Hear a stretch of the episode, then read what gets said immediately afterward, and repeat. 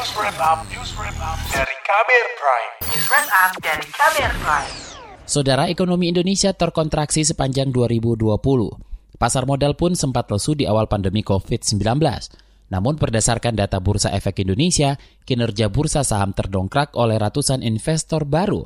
Mayoritas berasal dari kalangan milenial dan Gen Z yang meminati investasi retail. Euforia ini diapresiasi sebagai progres inklusi keuangan, tetapi di sisi lain ada risiko yang harus diantisipasi. Simak laporan tim KBR yang disampaikan Dwi Renjani. Bisa gue petik selama kurang lebih 10 bulan ini, investasi saham adalah gue mampu mengelola emosi, jadi dalam artian tidak FOMO gitu ketiga pastinya uh, money management. Jadi money Kristo adalah bagian dari generasi Z alias Zoomer yang ikut meramaikan pasar modal di masa pandemi. Sejak Maret 2020 lalu, ia resmi menjadi investor saham. Awalnya bikin tertarik ikut investasi saham itu dari teman sih. Jadi dia udah investasi di saham dan gue menarik sama topik-topik pembicaranya dia gitu di Instagram. Habis itu gue uh, nanya dia boleh nggak sharing-sharing gitu ke gue gitu.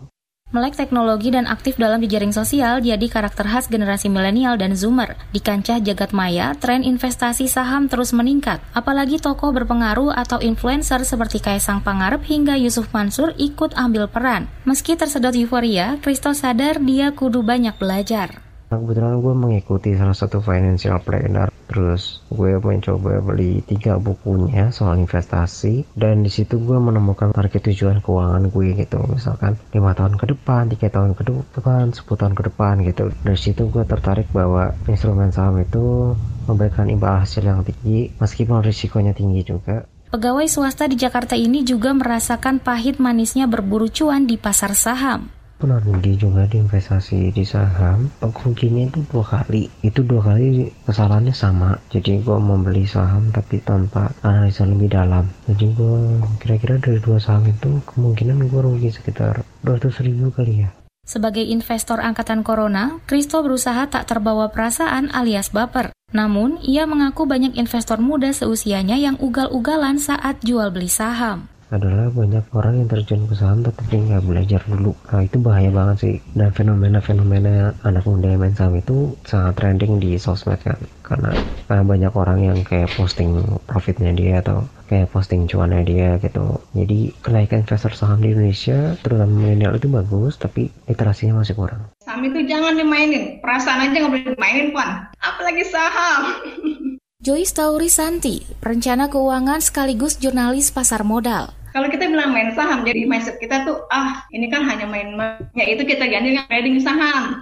Ia takjub dengan fenomena membanjirnya generasi muda yang berinvestasi saham. Pasalnya, 20 tahun lalu hal itu nyaris mustahil dilakukan. Jangankan saham, nabung reksadana saja sangat sulit. Karena untuk beli reksadana kita harus punya simpanan 500 juta. Karena reksadana itu hanya untuk sophisticated investor. Namun, inklusi keuangan itu tampaknya belum diimbangi dengan literasi bulan lalu ada yang uh, saya utang dari pinjol 200 juta untuk beli saham ABCD ternyata sahamnya turun. Pakai uang arisan. Pinjam uang arisan ibu-ibu PKK eh, beneran ada loh itu. Pakai uang kuliah.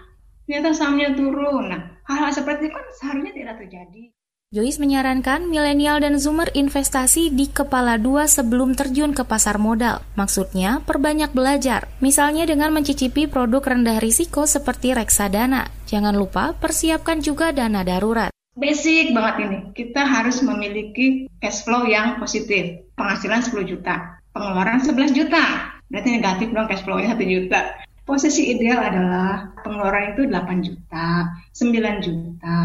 Jadi kita punya satu juta yang tidak kita gunakan dan itu disisihkan ya, bukan disisakan. Investasi saham untuk jangka panjang lebih disarankan bagi anak-anak muda. Namun, jika tetap ingin melakukan jual beli harian alias trading, Joyce merekomendasikan modalnya dibagi. Saham yang dibeli pun bisa cukup dua, agar mudah dipantau. Kita kan dalam tahap belajar ya. Kita masih trial and error untuk pertama kali. Kita melangkah ke pasar modal. Oh, misalnya 5 juta, bagi dua kan, dua setengah, dua setengah. Yang satu saham perbankan, satunya lagi saham retail gitu. Kita amati terus nih, nanti kita akan terbiasa dengan pergerakan mereka sampai suatu saat kita menemukan, ah ini saham gue banget.